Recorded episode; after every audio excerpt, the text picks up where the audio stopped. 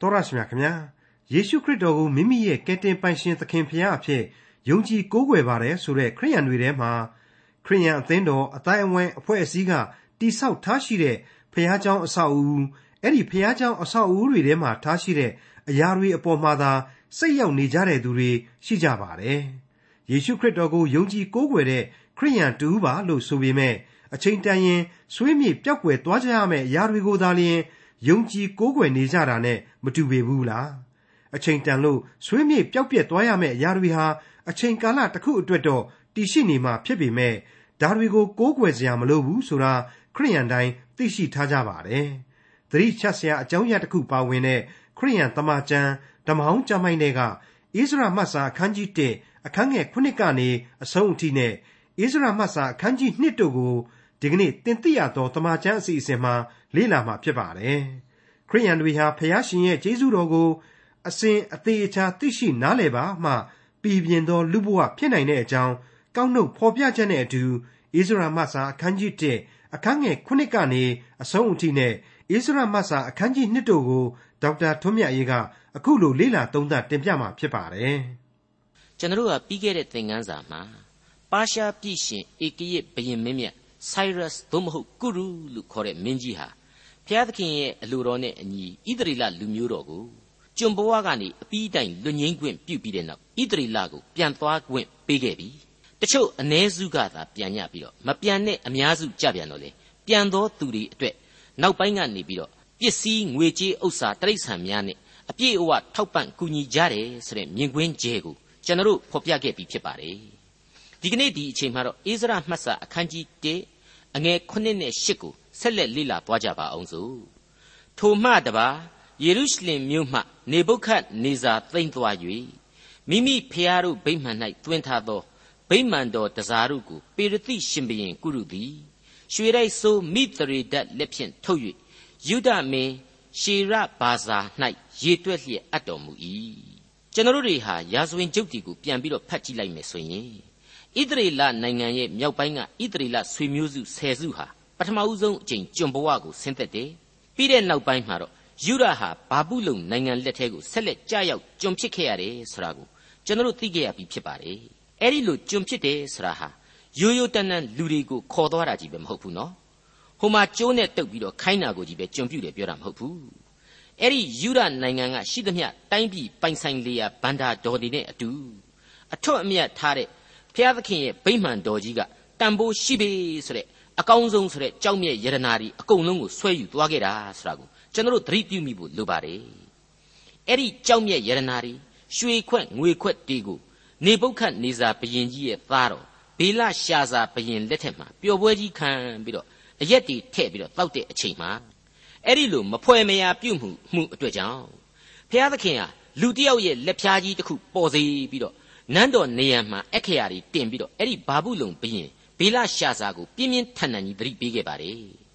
ဒီစာရဲ့အတိတ်ဘယ်ကိုဣသရေလပရောဖက်ကြီးဒံယေလကလွဲပြီးတော့ဘယ်သူမှအတိတ်ဘယ်မပြတ်နိုင်တဲ့အတွေ့နောက်ဆုံးမှအတိတ်ဘယ်ဖွင့်ဆိုပေးနိုင်သူဒံယေလဟာဘာဘူးလုံနိုင်ငံရဲ့တတိယအကြီးဆုံးယာရုကြီးနဲ့အာဏာကိုရရှိသွားခဲ့ပါတယ်ဒါပေမဲ့အဲ့ဒီဘာဘူးလုံဟာလေဖျားသခင်ရဲ့ဗျာဒိတ်တော်ကိုဒံယေလဖော်ပြီးတော့ပြောပြသလိုပဲ တိုင်းပြည်ကြီးတစ်ခုလုံးပြိုကွဲပြီးတဲ့နောက်ပိုင်းမေဒီဆိုတဲ့တိုင်းပြည်ပြီးနောက်ပေရတိဆိုတဲ့အခုပါရှားနိုင်ငံတော်တို့ဆိုတာဒီပြောင်းလဲဖြစ်ပေါ်ကုန်ကြရတယ်ဘာဘူးလုံနိုင်ငံတော်ကြီးပြိုကွဲခြင်းအကြောင်းပေါ့အဲ့ဒီပေရတိဆိုတဲ့နိုင်ငံဟာအခုအိစရာမှတ်စာအတွင်းမှာဖော်ပြတဲ့ပါရှားနိုင်ငံတော်ပဲအိစရာရဲ့အချိန်ကာလမှာတော့ပါရှားရဲ့အာဏာဟာအလွန်တရာတကိုးကြီးမားနေပြီသူဟာကဘာတဝက်လောက်နီးပါးကိုသူ့ရဲ့ကိုလိုနီနိုင်ငံတွေအဖြစ်အုပ်ချုပ်ခွင့်ရှိနေပြီ ကမ္ဘာထိပ်တန်းလက်နက်နိုင်ငံတော်ကြီးအဆင့်ကိုရောက်ရှိနေပြီပေါ့အဲ့ဒီလိုသူ့ရဲ့လက်အောက်ကိုတိုင်းပြည်တွေအလိုလိုရောက်ကုန်တယ်ဆိုတာကိုကျွန်တော်တို့အနေနဲ့သမိုင်းနောက်ခံအဖြစ်အလေးနဲ့မှတ်သားထားကြရပါလိမ့်မယ်ဒါဟာကမ္ဘာသမိုင်းဖြစ်နေလို့ပါဒီအကြောင်းတွေကိုနောက်ပိုင်းကျတော့ရောက်လာမယ်ဒံယေလအနာဂတိကျမ်းတွေရောက်ရင်ပို့ပြီးတော့သဲသဲကွဲကွဲမြင်ရပါလိမ့်မယ်အခုကလေးကကြိုတင်ဖတ်ရှုလေ့လာနိုင်မယ်ဆိုရင်လေတမန်ကျမ်းစာလေ့လာသူများအနေနဲ့အလွန်အလွန်အကျိုးရှိနိုင်လိမ့်မယ်လို့ကျွန်တော်ကတော့တိုက်တွန်းအားပေးခြင်းပါတယ် ဒံယေလအနာဂတိကျမ်းအခန်းကြီး9ကိုဖတ်လိုက်မယ်ဆိုရင်အခုအိစရာမှတ်စာအခန်းတွေဟာပို့ပြီးတော့အတိတ်ပဲနားလေလွယ်ကူလာကြမှာဖြစ်ပါတယ်အဲ့ဒီကျမ်းကနေတခါဆက်ပြီးတော့ဖတ်မယ်ဆိုရင်တော့ဘပါရှားဘရင်ကြီးကုရုရဲ့အကြောင်းတွေကိုပါရောက်လာပြီးတော့အိစရာမှတ်စာအတွက်အလွန်ကောင်းမွန်တဲ့အထောက်အကူများကိုပြုပေးနိုင်မှာဖြစ်တဲ့အကြောင်းကိုကျွန်တော်ဒီနေရာမှာဖြည့်ဆွက်တင်ပြလိုက်ပါရစေအခုအိစရာမှတ်စာကဖော်ပြချက်အရဆိုရင် အဲ့ဒီနောက်ပိုင်းမှာအာနာရလာသူကုရုခေါ်တဲ့ Cyrus ဘရင်ကြီးဟာသဘောဘလောက်ကောင်းမွန်ပြည့်ဝတယ်ဆိုတာကိုတွေ့လာရပြီသူဟာသူ့ရဲ့ရွှေလိုက်ဆိုးမိသရေဒတ်ဆိုတာကိုခေါ်တဲ့ရွှေလိုက်ဆိုးဆိုတော့အခုခေတ်ဆိုရင်တော့ဗန္ဒာရေးဝန်ကြီးအဆင့်ပေါ့ပြီးတော့ဣသရေလကနေပြီးတော့ရယူလာခဲ့တဲ့သူ့ရဲ့ဘေးလောင်းတော်ဘာဘူးလုံဘရင်ကြီးနေဘုခတ်နေဇာလက်ထက်တုန်းကသိမ့်စီလာခဲ့တဲ့ဣသရေလကတန့်ရှင်းသောဗိမှန်တော်တစားတွေကိုစည်ရင်နဲ့အင်းနဲ့အတူတကွပြန်ပြီးတော့ အနှံစေတယ်ဆိုတာကိုကျွန်တော်တို့တွေ့လာရပါတယ်ဘလောက်အံ့ဩဖို့ကောင်းတဲ့ဘုရားသခင်ရဲ့အစီအမံလေဒီနေရာမှာဓာပြားဟောင်းကြီးအတိုင်းပြန်ပြီးတော့ဖွင့်ပြအောင်မယ်ဆိုရင်တော့အဲ့ဒီရွှေခွဲ့တို့ငွေခွဲ့တို့နဲ့တကွဗိမာန်တော်ကဖြုတ်ယူလာတဲ့တခြားယရနာဥစ္စာပစ္စည်းတွေအပြင်ဗိမာန်တော်မှာအထွတ်အမြတ်ထားပါတယ်ဆိုတဲ့ဗြိညင်သစ်တာတော်ကြီးအပါအဝင်ဒီအရာတွေအလုံးဟာဘာကြောင့်တန့်ရှင်းရသလဲဘာကြောင့်တကိုးရှိရသလဲ ဘုရားသခင်ကသူ့နာမတော်အတွက်တစိ့ခတ်လိုက်လို့သာဖြင့်တန့်ရှင်းနေတာတကိုးရှိနေတယ်ဆိုတာရှင်းနေတာပဲမဟုတ်ဘူးလားအမှန်တော့ဘုရားသခင်ကသာအဲ့ဒီရွှေခွဲ့တို့ငွေခွဲ့တို့ငါနဲ့မဆိုင်တော့ဘူးဆိုပြီးတော့တစ်ချက်ပြောကြည့်အရက်ထဲ့တော့လို့ဘာမှမဖြစ်တယ်လို့အပေါင်ဆိုင်ပို့ရင်လည်းဘာမှမဖြစ်နိုင်ဘူးဗြိညင်တစ်တာတော်ကြီးကိုငါအတွက်ကျင်းဝတ်ရာရာဇပလင်ဖြစ်စေဆိုတဲ့အခါမှာအဲ့ဒီအမိန့်တော်တစ်ချက်ရှိလိုက်တဲ့တပြိုင်နက်အဲ့ဒီဗြိညင်တစ်တာတော်သို့မဟုတ်ဂယုဏတော်ပလင်တော်ကြီးဟာအလိုအလျောက်တကိုးကြီးသွားရတယ် ဒါကြောင့်မလို့လေအဲ့ဒီဗြိညင်တစ်တာတော်ကြီးနာသွားပြီးတော့မတော်တရောလုံမိတဲ့လူတွေသေခဲ့ရတာဒီရစ်ပူဇော်တဲ့နေရာမှာဥပဒေနဲ့မညီလို့ဥပဒေစီကံကလနာနဲ့အညီအညွတ်မလုပ်လို့ဆိုပြီးတော့အောစီဆိုတဲ့ယူဒဘရင်တခရဲနဖူးတဲ့တဲ့မှာအနုကွက်ကြီးတစ်ခုသေရပါအောင်ဖြစ်သွားခဲ့ရတာဒီကိုကျွန်တော်တို့မေ့ပြလို့မရနိုင်ပါဘူးဒါတွေဟာအမှန်တော့ဘုရားသခင်ရဲ့ဘုံတကိုးတော်နဲ့ဘုရားသခင်ကသတ်မှတ်ထားတဲ့အရာတွေမှုလို့အလိုအလျောက်တကိုးကြည့်ရတာသာမန်အားဖြင့်ကတော့ဘာထုလေ ရုပ်ပစ္စည်းတွေပဲမဟုတ်ဘူးလားဒါပေမဲ့အဲ့ဒီဗြိညင်တစ်တာတော်ရဲ့ဂျေစုပလင်ဆိုတာဟာအခုရှိပါသေးသလားဆိုရင်မရှိတော့ပါဘူးရှိနေတာကတော့ဘယ်လို့မှမပြောက်ပြက်နိုင်တဲ့ကယ်တင်ရှင်သခင်ခရစ်တော်ရဲ့ဂျေဇုနဲ့ဂရုဏာတော်ပလင်ဆိုတာဟာဘယ်လို့မှမပြောက်မပြက်ဖဲရှိနေလေရဲ့ဘလောက်အံ့ဩဖို့ကောင်းတယ်လေ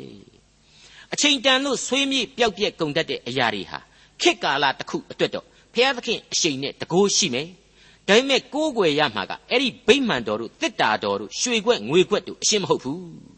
ကိုးကွယ်ရမှာကဘုရားသခင်သာဖြစ်တယ်ပြီးတော့ကယ်တင်ရှင်သခင်ခရစ်တော်နဲ့တန်ရှင်းသောဝိညာဉ်တော်တို့သာဖြစ်တယ်ဆိုတာကိုမိษွေတို့အလေးနဲ့မှတ်ဆွဲထားကြပါစို့ဣဇရမှတ်စာအခန်းကြီး1အငယ်9မှ17အဆုံးအထိဗိမာန်တော်တစားစင်းဟူမူကားရွှေဖလား30ငွေဖလား1000ဓာတ်29စင်ရွှေအိုး30ခြားနာသောငွေအိုး430 အခြားသောတစား1000ရွှေတစားငွေတစားအရေးအတွက်ပေါင်းက9400ဒီထိုတစားများကိုရှေလဘေးဘာဇာသည်ယူ၍အချုပ်ခံရသောလူစုတဲကဘာဘူးလုံမြို့မှယေရုရှလင်မြို့သို့ခေါ်သွားသောသူတို့နှင့်အတူဆောင်ခဲ့၏ဒီအချက်တွေကိုထောက်ရှုခြင်းအပြင်ခေရည်စည်းကြောင်းကြီးထဲမှာအမျိုးမျိုးသောအခက်အခဲတွေဘဝတိုက်ပွဲတွေလူရဲ့ခံရမှုတွေကြားတဲ့ကပဲယူဒပြည်ယေရုရှလင်ဗိမာန်တော်ကြီးဟာဘလောက်အတိုင်းအတာအထိ လောကပစ္စည်းတွေနဲ့ဖိတ်ဖိတ်တောက်ခဲ့မယ်ဆိုတာဟာရှင်းနေပါလေအရေးကြီးတာကတော့အဲ့ဒီဗိမာန်တော်ကြီးကိုတက်ရောက်ဝတ်ပြုသူတွေရဲ့နှလုံးသားတွေကဖိတ်ဖိတ်တောက်နေဖို့ကသာပို့ပြီးတော့အရေးကြီးတယ်ဆိုတာကိုလေမေ့ထားလို့တော့မရပါဘူးအခုတော့လူတွေရဲ့နှလုံးသားတွေကဖိတ်ဖိတ်မတောက်တဲ့အပြင်ညစ်ညစ်ထေးထေးတွေဖြစ်လာခဲ့တဲ့အတွေ့တခြားဖိတ်ဖိတ်တောက်ရတဲ့သက်မဲ့လောကပစ္စည်းတွေဟာရန်သူလက်ထဲကိုအလိုအလျောက်ရောက်ကုန်ခဲ့ရတယ်ရောက်ကုန်ခဲ့ရပြီးတော့ ကျွန်တော်စောစောကဖော်ပြပြောဆိုခဲ့တဲ့အတိုင်းပဲ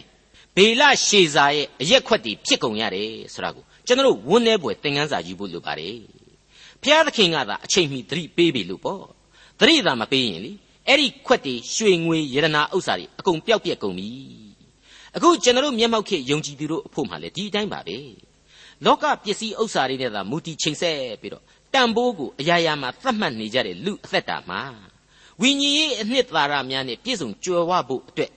ကိုမတဆင့်ကိုမိသားစုကိုမိသားစုမှတဆင့်ကိုပတ်ဝန်းကျင်ဆိုသလိုပတ်ဝန်းကျင်တစ်ခွင်လုံးအတွက်ပါတကိုးကြီးမားတဲ့ယုံကြည်ခြင်းနဲ့ဖိတ်ဖိတ်တောက်ပြောင်နိုင်သောဝိညာဉ်ခွန်အားများရှိကြပါစေလို့ကျွန်တော်အထူးပဲဆုတောင်းပေးလိုက်ပါရစေဂုံတုဂုံပြိုင်နေအလွန်များပြားပြီးတော့မာမာနတွေအလွန်ပွားများနေတဲ့ရွှေချောင်းတော်ကြီးတွေတဲ့မရှိရှိတဲ့အဆောက်အဦလေးထဲမှာပဲ ဘုရားသခင်ကိုကြည်ညိုတရာစိတ်အပြည့်အသိမ့်နဲ့စူးစီးညီညွတ်စွာကိုးကွယ်တဲ့အသင်းတော်ဟာမုတ်ချဘုရားသခင်ကျင့်ဝတ်တော်မူရာအရက်ဖြစ်လာလိမ့်မယ်လို့ကျွန်တော်အာမခံနိုင်ပါတယ်နှုတ်ကပတ်တော်ဟာလည်းဒါကိုအခိုင်အမာဖော်ပြပြီးဖြစ်လို့သာကျွန်တော်ကအာမခံတာပါအရန်ကျွန်တော်စိတ်ကြိုက်သွားပြီးအာမခံတယ်လို့တော့မထင်ပါနဲ့မိษွေအပေါင်းတို့ခမညာအခုအချိန်မှာတော့ကျွန်တော်အိစရာမှတ်စာအခန်းကြီး1ကိုဆက်လက်လေ့လာဖို့ရောက်ရှိလာပါပြီဒါကြောင့်မို့အခန်းကြီး2အငယ်1နဲ့2ကိုနားဆွင့်ထောင်ကြည့်ကြပါစို့ခေါင်းစဉ်ကိုတော့ ဇေရုဘဘေလအမှုပြု၍ဆိုပြီးတော့ဖော်ပြပါရစေဘာဘူးလုံရှင်ဘရင်နေဘုခတ်နေဇာသည်ဘာဘူးလုံမြို့သို့သိမ့်သွားသောလူစုတဲကထွက်၍ဇေရုဘဘေလယောရှုနေဟမိသရာယယေလာယမောတကဲဘိလရှံမိဇပါဘိကဝဲယေဟုံဘာနာတို့နှင့်အတူလိုက်လာ၍ယေရုရှလင်မြို့အစရှိသောယူဒပြည်၌အသီးအသီးဆိုင်သောမြို့ရွာသို့ရောက်သောနိုင်ငံတော်သားဣသရေလလူစည်းဟူမူကား အခုအငယ်1နဲ့2ကရှေ့ဆက်ပြီးသွားမယ်ဆိုရင်တော့မိษွေတို့အနေနဲ့ဟေပြဲဝေါဟာရနဲ့နာမည်တွေကိုနားမဆန့်အောင်ကြားနာကြရမှာဖြစ်တယ်လို့ဖတ်ရတဲ့ကျွန်တော်ခမရမှာလေကိုရှာကိုကိုပြန်ပြီးတော့ break out လို့မရဘဲနဲ့ဟိုခလုတ်တိုက်ဒီခလုတ်တိုက်ဖြစ်ကုန်နိုင်ပါလိမ့်မယ်အဲ့ဒီလောက်အထိအမည်နာမတွေကရှုပ်ထွေးနေပါလေအမည်သဘောလေးလောက်ဖော်ပြရမယ်ဆိုရင်တော့အငယ်3မှာပါရုတ်အမျိုးသားအငယ်၄မှာကရှေပတိအမျိုးသားအငယ်9မှာကျတော့ အာရာအမျိုးသားအငယ်6မှာကျတော့ပါဟတ်မောဘအမျိုးသားနဲ့ယောရှုယွာဘအမျိုးသားစသဖြင့်ဖြစ်ပါတယ်ဒါရင်မကဇတ်တုတ်ဇက်ခဲဘာနိဘေဘဲအာဇဂတ်အဒေါနိကံစသဖြင့်အတော်ကြီးကိုအမျိုးအနွယ်နာမည်တွေဟာများပြားလွန်းလှပါတယ်ကျွန်တော်အနေနဲ့ကဒီအပိုင်းတွေဟာပို့ပြီးတော့အခေါ်အခက်ခဲလာတာတွေဟာဘာဘူးလုံနဲ့ပါရှားဝေါဟာရတွေပါဂျူးလူမျိုးအဝန်းအဝိုင်းတို့တဲကို ဝင်ရောက်ရောရှက်လာတဲ့အတွက်ကြောင့်လို့ကျွန်တော်အထူးပဲယူဆမိပါတယ်သတိထားရမယ့်အချက်တွေကတော့အခုဖော်ပြထားတဲ့အထက်ကနေဟမိဆိုတာဟာနေဟမိမှတ်စာကိုရေးတဲ့နေဟမိမဟုတ်နိုင်တယ်လို့မော်တကဲဆိုတာဟာလေဣသရာဝတ္ထုတဲကမော်တကဲဆိုတဲ့ပုဂ္ဂိုလ်ကြီးမဟုတ်နိုင်ပါဘူးနာမည်စင်တူမှုတွေသာလျှင်ဖြစ်တယ်ဆိုတဲ့အချက်ပါယူဒသမိုင်းမှာဒီအတိုင်းပဲလေနာမည်တွေအမျိုးမျိုးစင်တူနေတာကိုကျွန်တော်တို့တွေ့ရပါတယ်ဥပမာကဘာဦးကျမ်းကယောသတ်ဆိုရင် ကယ်တင်ရှင်သခင်ခရစ်တော်ဖခင်ခင်မှာလေယောသတ်ဆိုတဲ့အမည်နဲ့နောက်ထပ်ပေါ်တဲ့အတွက်ကြောင့်ဒါတွေကိုဒွေရောရှက်တင်မဖြစ်မိဘူးအထူးပဲလိုပါတယ်ထို့အတူပါပဲမာရိဆိုတာဟာရှေးခေတ်ကမောရှေရဲ့အမကြီးမိရိအန်နဲ့နာမည်ဆင်တူပါတယ်နာမည်ရဲ့အတိတ်ပဲချင်းကလည်းအတူတူပဲလို့ကျွန်တော်တို့သိရပါတယ်အခုလိုတွေ့ရတဲ့အမည်စည်ရင်ပါပုံကိုယ်တွေကတော့ Cyrus သို့မဟုတ်ကုရုဘယင်ကြီးကနေတဆင့်ဘုရားသခင်ပေးလိုက်တဲ့လွတ်မြောက်ခွင့်အရာဣသရေလနိုင်ငံကိုပြန်ကြတဲ့အဖွဲ့တွေပဲပေါ့ ပထမအသုတ်ပြည်တော်ပြန်နေဆိုပါတော့အဲ့ဒီလိုပြန်ကြတဲ့လူတွေထဲမှာမှစိတ်ဝင်စားစရာကလေးတစ်ပိုင်းကိုတော့အတော်ဝေးဝေးကြော်ပြီးကြည့်ရင်တွေ့ရမှာပါအိစရာမှတ်စာအခန်းကြီး2အငယ်23အာနာသုတ်မြို့သား128ယောက်တဲ့အဲ့ဒီလိုအာနာသုတ်မြို့သားတို့အကြောင်းဆိုတာဟာစိတ်ဝင်စားဖို့ကောင်းနေတာကတော့တခြားကြောင့်မဟုတ်ပါဘူးအာနာသုတ်မြို့ကလေးဟာအခုတည်းကတိတ်ဆိတ်ငြိမ်သက်တဲ့အစ္စရေးနိုင်ငံကဂျောင်တနေရာကမြို့ကလေးတစ်မြို့အဖြစ် ထင်ရှားစွာတည်ရှိနေသေးလို့ဖြစ်ပါတယ်ဒါအပြင်ယေရမိဆိုတဲ့ပရောဖက်ကြီးဟာဒီမြို့နယ်မှာနိုင်ငံတော်ကြီးကျွန်ဘဝကိုရောက်လူတဲ့အချိန်မှာပဲသူ့ညီဝန်းခွဲတော်သူဟာနမေလာဆိုတဲ့လူစီကမြေကိုဝယ်ယူခဲ့တယ်ဆိုတာကိုဓမ္မရာဇဝင်တွေယေရမိအနာဂတိကျမ်းအခန်းကြီး32တွေထဲမှာမှတ်တမ်းတွေအဖြစ်အတိအကျကျွန်တော်တို့မြင်ရလို့ဖြစ်ပါတယ်ယေရမိဆိုတဲ့ပရောဖက်ဟာယူဒနိုင်ငံတော့မကြခင်ဘာဘူးလုံနိုင်ငံတဲကိုဆင်းသက်ရတော့မယ် ကျွန်ဖြစ်ရတော့မယ်ဆိုတာကိုကြိုပြီးတော့သိလို့ပဲကြိုပြီးတော့ဟောကိန်းထုတ်ခဲ့တဲ့ပရောဖက်ကြီးတစ်ပါးဖြစ်ပါတယ်ဒါကိုမြောက်ပေးမှကြိုက်တဲ့ယူဒဘရင်ဇေဒကိကနေပြီးတော့နမိတ်မရှိနမာမရှိတွေပြောင်းဟဲဆိုပြီးတော့ထောင်တဲကိုအထက်ခံခဲ့ရသူပရောဖက်ကြီးဖြစ်ခဲ့ပါတယ်အဲ့ဒီတော့သူကိုယ်တိုင်ကသူ့နိုင်ငံကျွန်ဖြစ်ရတော့မှာကိုသိပါရဲ့နဲ့ဒီလိုအာနာသုတ်မြို့ကလေးမှာလယ်မြေကိုပိုက်ဆံထုတ်ပြီးဝယ်ခြင်းဟာအင်မတန်စိတ်ဝင်စားစရာကောင်းလာပါတယ်ဟုတ်ပါတယ် သူဘာကြောင့်ဒီလိုမြေကိုကျွန်ဖြစ်ရမယ့်နိုင်ငံမှာဝယ်တယ်လေကျွန်ဘဝကိုရောက်သည့်တိုင်အောင်သူဟာကျေးဇူးတော်ကိုမျှော်လင့်ယုံကြည်ခဲ့လို့ပေါ့ပြီးတော့ဘုရားသခင်ဟာတနေ့နေ့မှာယူဒတွေကိုပြန်ပြီးတော့သနာချင်းဂိယုနာနဲ့ငြိမ်းချမ်းခြင်းအခွင့်လွတ်လပ်လွတ်မြောက်ရခြင်းအခွင့်ကိုပေးလိုက်မယ်ဆိုတာကိုယုံလို့သူအခုလိုလယ်မြေများကိုကြိုတင်ဝယ်ယူခဲ့ခြင်းဖြစ်တယ်ဆိုတာရှင်းနေပါတယ်အခုဆိုရင်ပေါ်လာပြီ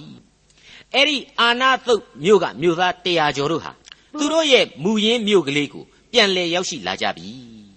သူတို့ဟာယေရမိဝယ်ယူခဲ့တဲ့လယ်မြေတွေမှာယေရမိလွှဲပြောင်းပေးတဲ့ကျေးဇူးကြောင့်အိန္ဒိယမပြည့်ဆက်လက်လုတ်ကင်စားဖောက်ခွင့်ကိုရကြရတော့မှာဖြစ်ပါတယ်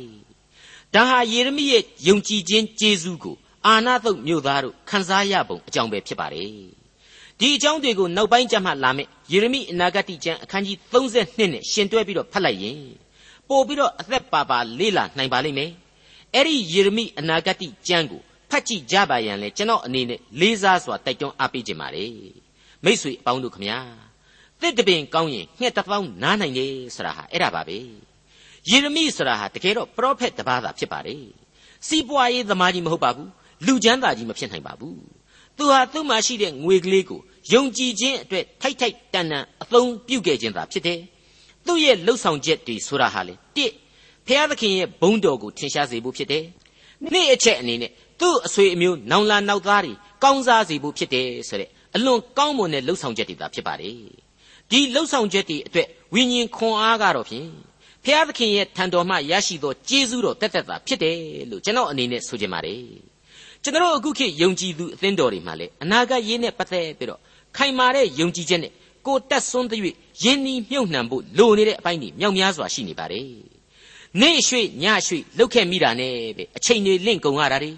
သူများတဲ့ခြေလှမ်းတွေအများကြီးနောက်ကျပြီးတော့လိုက်လို့မမှီပဲကြံရစ်ခဲ့တာတွေစတဲ့ကိစ္စမျိုးတွေကိုအရရက်မှာလုပ်ငန်းဌာနအသီးသီးတွေမှာကျွန်တော်တို့ကြားနေရပါတယ်။ရက်ကန်ရက်ကန်ဖြစ်နေတဲ့ကျွန်တော်တို့အဖွဲ့အစည်းကြီးတွေအသစ်တဖန်ပြုပြင်ဖို့လိုအပ်နေပါပြီ။အဲ့ဒီအတိုင်းလူအသီးသီးတို့ကိုဂန္ဓအသီးသီးမှာပြန်လဲအသက်ဝင်လာကြဘုံတွေကိုအိစရမှတ်စာမှာဖတ်ရတော့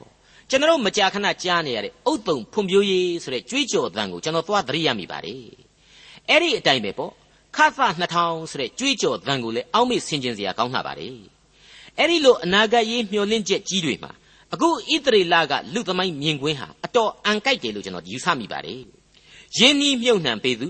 ဗိမာန်တော်ကိုပြန်လဲတိဆောက်သူရှေ့တန်းကိုစွန့်စားပြီးတော့ပြန်ခဲ့သူနောက်ကျောကနေပြီးတော့ကြောတော့နောက်ခံပြုထောက်ပံ့ပေးသူစသဖြင့်ပေါ့။ အဲ့ဒီလိုမတူညီတဲ့ဂန္ဓာတွေပေါင်းမှဒီလောက်ကြီးကျယ်တဲ့လုပ်ငန်းကြီးတွေဆိုတာဟာအောင်မြင်ရရိုးရှိပါတယ်။လူသားတဦးချင်းရဲ့ပါဝင်ဆောင်ရွက်မှုဆိုတာတွေဟာထိုက်တန်တဲ့စုကျေးဇူးကိုတော့မလွဲမသွေခံကိုခံစားကြရမှာဖြစ်ပါတယ်။ကောရိန္သုဩဝါဒစာဒုတိယစာဆောင်အခန်းကြီး9အငယ်30မှာအခုလိုဆိုထားပါတယ်။အကြောင်းမူကားငါတို့ရှိသမျှသည်ကိုခန္ဓာ၌ကျင့်သောအကျင့်ကောင်းမကောင်းရှိသည့်အတိုင်းအကျိုးအပြစ်ကိုအသီးအသီးခံခြင်းဟာ ခရစ်တော်ဤတရားပလင်ရှေ့၌ပေါ်လာကြရမည်ဆိုတဲ့အချက်ဖြစ်ပါတယ်။ကိုယ့်ရဲ့ဘဝနဲ့ကိုယ့်ရဲ့အခွင့်အရေးဆိုတာဟာကိုယ်နဲ့ကိုယ့်ချစ်သူအုပ်စုကလေးတစုတည်းအတွက်ဆိုရင်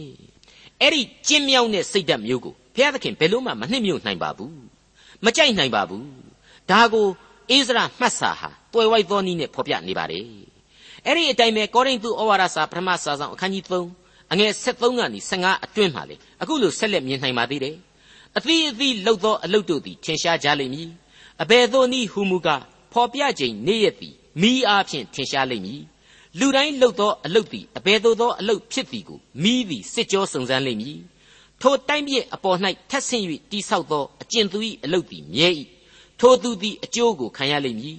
အကျင့်သူ၏အလုတ်သည်ကျွမ်းလောင်၏ထိုသူသည်အရှုံးခံရလိမ့်မည်သို့တော်လည်းမိနှင့်လွတ်တဲ့ကဲ့သို့သူသည်ကဲတင်ခြင်းသို့ရောက်လိမ့်မည်ဆိုတဲ့အချက်ဖြစ်ပါတယ်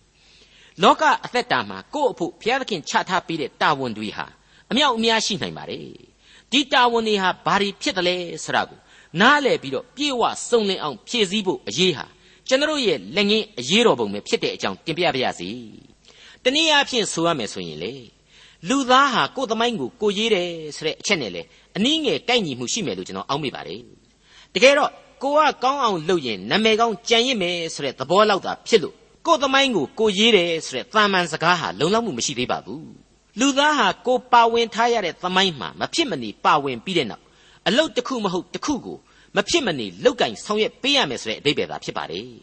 အဲ့ဒါမှလေလူဟာကိုယ်သမိုင်းကိုကိုရေးတယ်ဆိုတဲ့အချက်ဟာမှန်ကန်တဲ့တစ္ဆာတရားအနဲ့အဓိပ္ပာယ်ကိုပြေဝအောင်ဆောင်ကျင်းနိုင်မယ်လို့ကျွန်တော်ဆိုချင်ပါတယ်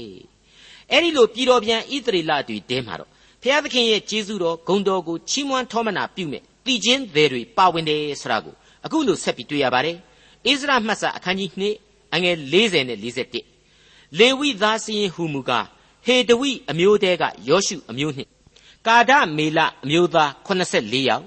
သီချင်းသည်အာသတ်အမျိုးသား128ယောက်မိษွေတို့အခုကြားတဲ့အတိုင်းပဲဒီအရေးအတွက်အတိုင်းဆိုရင် တီချင်းဆိုတဲ့ပြိသက်တွေဟာလေဝိအမျိုးသားတွေတက်တောင်မှပို့ပြီးတော့များပြားစွာပါဝင်ခဲ့ကြတယ်ဆိုတာတွေ့လာရတယ်တီချင်းတွေအခုလိုများပြားတာဟာဘာသဘောလဲကျေးဇူးတော်ချီးမွမ်းစရာတွေများလို့ပေါ့ကျေးဇူးတော်တွေကိုအရှံပဲသူတို့ထိတွေ့နားလေခံစားရလို့ပဲပေါ့ရှင်းနေတာပဲမဟုတ်ဘူးလားကျွန်တော်အသက်တာတွေဟာကျေးဇူးတော်ကိုအစင်နားလေပါမှပြည်ပြင်းသောလူဘဝဖြစ်နိုင်တယ်လို့ကျွန်တော်ကဒီနေရာမှာဆိုချင်ပါတယ်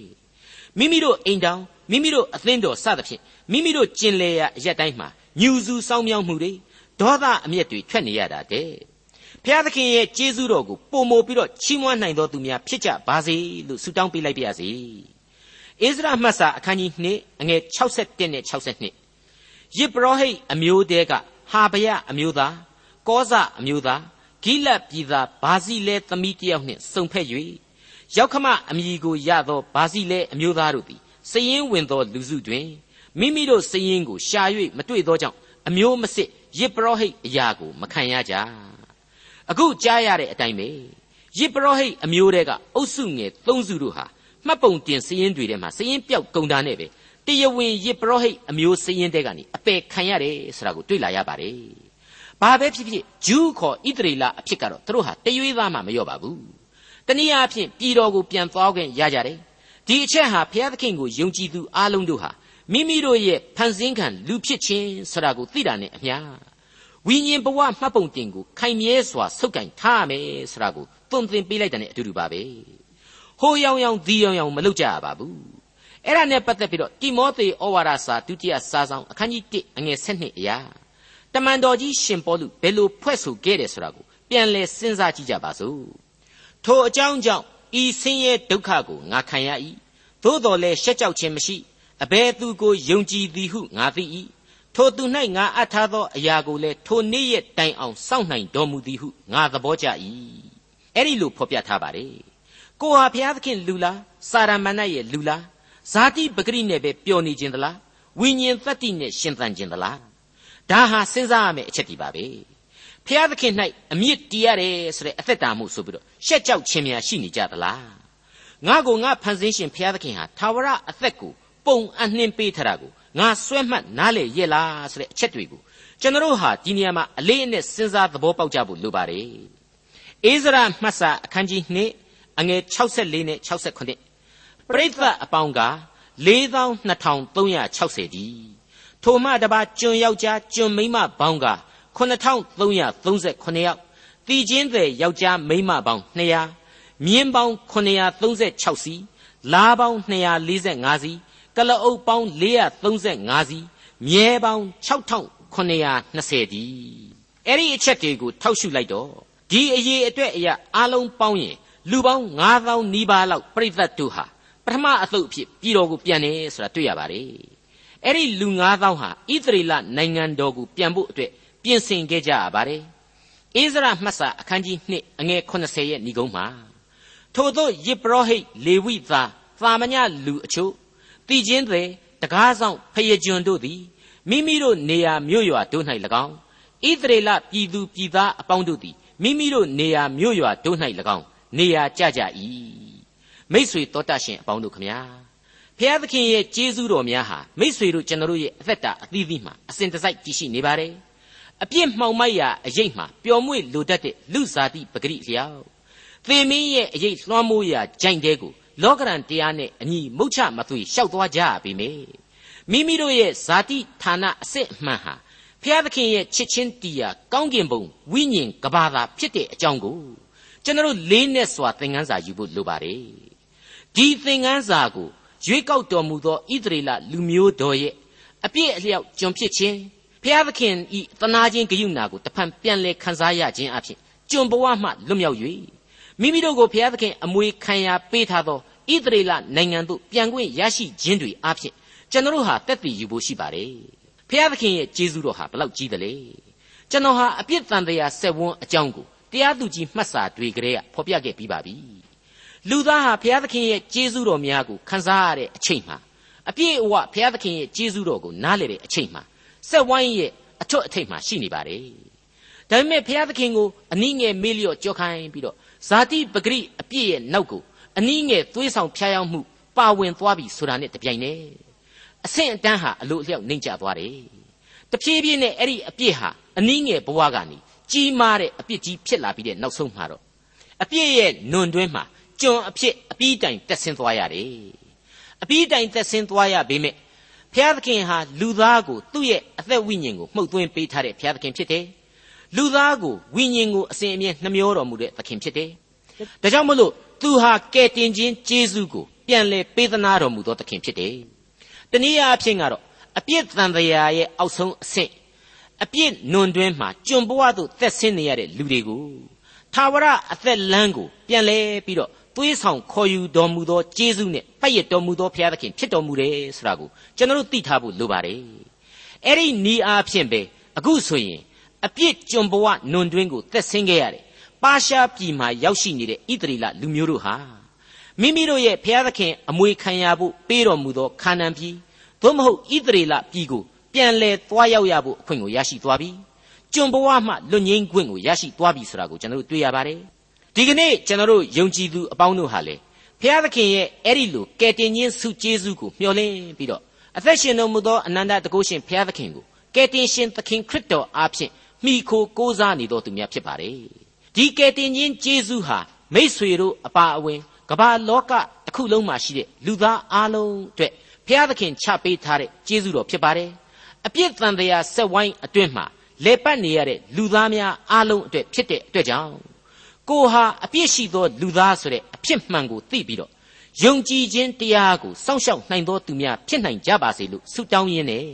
ဒီကနေ့သင်ခန်းစာများကိုညီကုန်းချုပ်လိုက်ပါရစေ